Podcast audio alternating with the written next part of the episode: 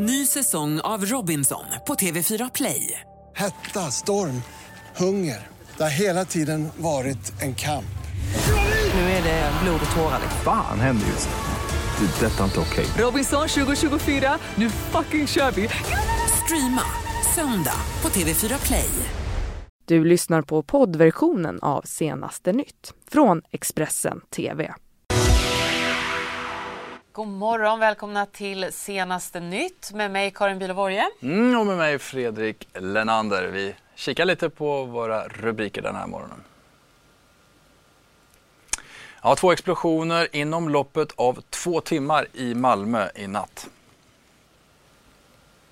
FN varnar för ny flyktingvåg från Syrien efter omfattande flygräder.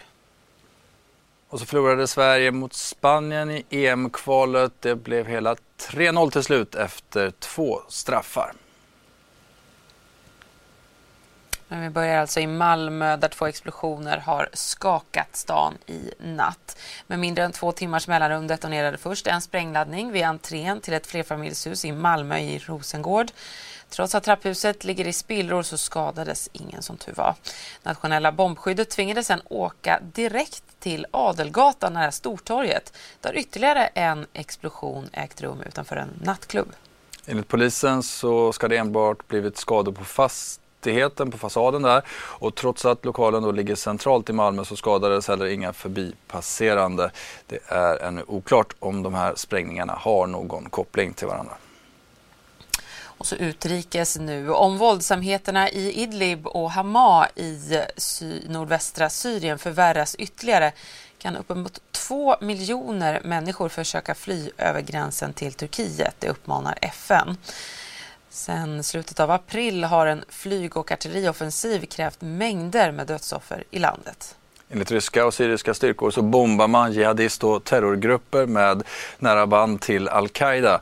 Men boende i området menar att attackerna är godtyckliga och att de även drabbar civila mål. Så ska vi tillbaka till Malmö där det har hänt en hel del alltså under natten och även under gårdagen. Mannen som sköts av polis på centralstationen i Malmö igår efter att ha betett sig hotfullt där kommer från Italien och har bott i andra hand i en lägenhet i centrala Malmö under det senaste året. Mannen är anhållen. Det var under måndagen som en 44-årig man betedde sig hotfullt på centralstationen i Malmö och greps sedan efter händelsen. Mannen ska ha burit två väskor och sagt att han hade med sig sprängmedel och skjutvapen. Något som polisen berättade senare under en presskonferens. Och I den här situationen så blev eh, händelseförloppet så pass hotfullt att polismännen kände sig trängda. Och det är en eh, polisman i det läget som avlossar vad vi kallar verkanseld, det vill säga skjuter mot mannen. Mannen är skottskadad i, eh, vad jag förstår just nu, båda benen. Mannen fördes till sjukhuset och ska ha betett sig hotfullt även mot sjukhuspersonalen. Hans tillstånd är i nuläget oklart och polisen tog hand om väskorna senare på platsen. Väskorna i sig bedömdes utgöra ett hot så att centralstationen med omliggande byggnader också spärrades av. Så småningom, då man inte kunde utesluta att de var farliga, så valde bombskyddet att, eh, vad vi kallar, att man sköt sönder väskorna. Enligt uppgifterna till Expressen ska mannen vara en EU-medborgare som kom till Sverige från Italien förra året. Mannen hade tre olika pass, varav ett var från Italien och det var med den här identiteten som han fick ett personnummer och ett uppehållstillstånd i Sverige. Men än har polisen inte kunnat bekräfta om mannens uppgifter stämmer och de har därför tagit hjälp av den nationella avdelningen, även känd som NOA.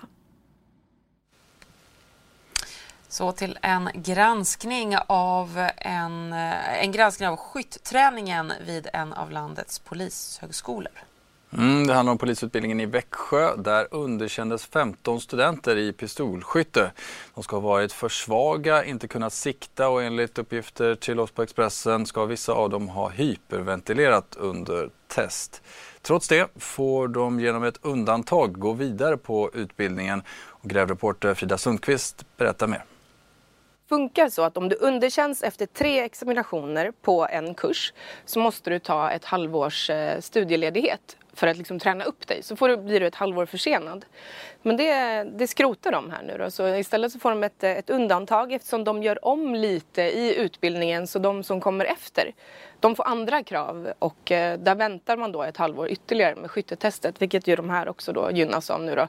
Men det blir ju inte heller jämlikt i den här klassen för att övriga elever har ju klarat det här testet. Det kan man ändå se är ganska allvarligt. Mm, så kommer det rapporter om hur flygbranschen mår. Mm, det är både en varm sommar i fjol och även kanske lite klimatångest som gör att eh, resebolagen ser en minskad försäljning. Bokningssiffrorna är betydligt lägre än förra året. Det rapporterar Ekot om nu under morgonen. Både charter och reguljärtrafik utrikes minskar men inrikesresandet minskar ännu mer enligt trafikstatistik från Swedavia som då äger många av flygplatserna i landet. I maj gick inrikesresandet ner med hela 11 procent jämfört med samma månad i fjol. Utrikes igen. Konflikten mellan USA och Kina om Huawei trappas nu upp ytterligare. Enligt källor till New York Times har kinesiska myndigheter kallat till sig storföretag såsom Microsoft, Dell och koreanska Samsung för att varna för konsekvenserna om de följer USAs uppmaning att sluta sälja teknologi till Huawei. Samtidigt så försöker USA sätta press på sydamerikanska telekomföretag för att de inte ska köpa 5G-utrustning från just Huawei. Det enligt diplomatkällor till brittiska Financial Times. Så blir det fotboll. Ja, det var ju Sverige som tog sig till Madrid för att möta storfavoriterna Spanien i gruppspelet. Det blev till slut då förlust med 3-0 efter att Sverige lyckats hålla tätt ungefär en timme. Alexander Isak fick bara hoppa in under de sista minuterna, för sent enligt många och efter matchen så pratade han själv om framtiden. Uh, nej, jag vill uh, hitta någonstans där jag kan spela och om det är Dortmund eller inte, det får vi se. Men uh, det är klart man, man vill spela fotboll. Och ett lån eller en permanent transfer, vad skulle du föredra? Uh, det är svårt att säga. Det är många saker som spelar in men det... Ja, jag vet inte. Kommer du ha ett snack med tränarna i Dortmund nu om framtiden eller vad liksom kommer du? Ja, men vi har, vi har diskuterat uh, lite fram och tillbaka och uh, jag tror uh, vi lär komma fram till någonting inom kort. Välförtjänt semester nu, vad ska du göra på den? En gång till? Välförtjänt semester nu, vad ska du göra på den? Uh, fan, jag vet inte. Jag har inte riktigt bestämt än, men man måste få koppla av lite i alla fall. Utlandsresa eller? Kan hända. Det var mest fokus på framtiden där, inte så mycket på matchen. Nej, vi, vi anknyter tillbaka till, eh, till gårdagens match istället. Sport, Expressens sportskrönikör Daniel Kristoffersson ger sin analys av matchen här. Sverige höll tätt i drygt en timme på Santiago Bernabéu-stadion men sedan gjorde Spanien 1-0 på straff genom Sergio Ramos och det slutade slut eh, 3-0. En klar spansk seger här. Daniel Kristoffersson, dina tankar efter den här svenska förlusten? Äh, bittert såklart med tanke på att Sverige, jag tycker Sverige gör allt rätt i första halvlek. Man får matchen precis dit man vill. Det ser ut ungefär som det gjorde på San Siro när vi mötte Italien. Det ser ut ungefär som det gör när vi mötte Frankrike. Jag tycker Sverige gjorde en extremt bra första halvlek defensivt. Eh, mittfältarna ligger rätt i positionerna. Pontus Jansson gör en stor match. För att inte tala om Robin Olsen som är överlägset bäst i Sverige och räddar ju Sverige kvar med de här fantastiska fyra räddningarna han gör eh, på kort tid där i första halvlek. Så att utan Olsen då hade vi varit borta redan efter ja, eh, 20 minuter. Men nej, och sen kommer det här hans situationen på Seb Larsson som är, nej, kommer ju extremt oturligt.